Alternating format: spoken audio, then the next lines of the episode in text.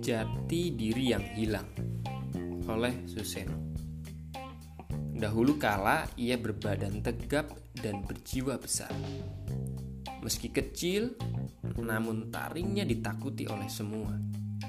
Pernah suatu hari ada sebuah kerajaan besar bertirai besi tanpa tanding. Kerajaan itu membungkam siapa saja yang siap bertanding.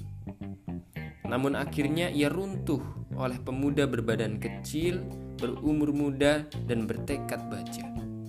Tapi sayang, pemuda itu kini berwujud tapi tak bernyawa. Ia punya taring tapi tak sadar bahkan menjadi manja. Kepahlawanannya hancur. Nasib orang banyak dipertaruhkan. Kini ia bagai singa lupa dengan taringnya. thank you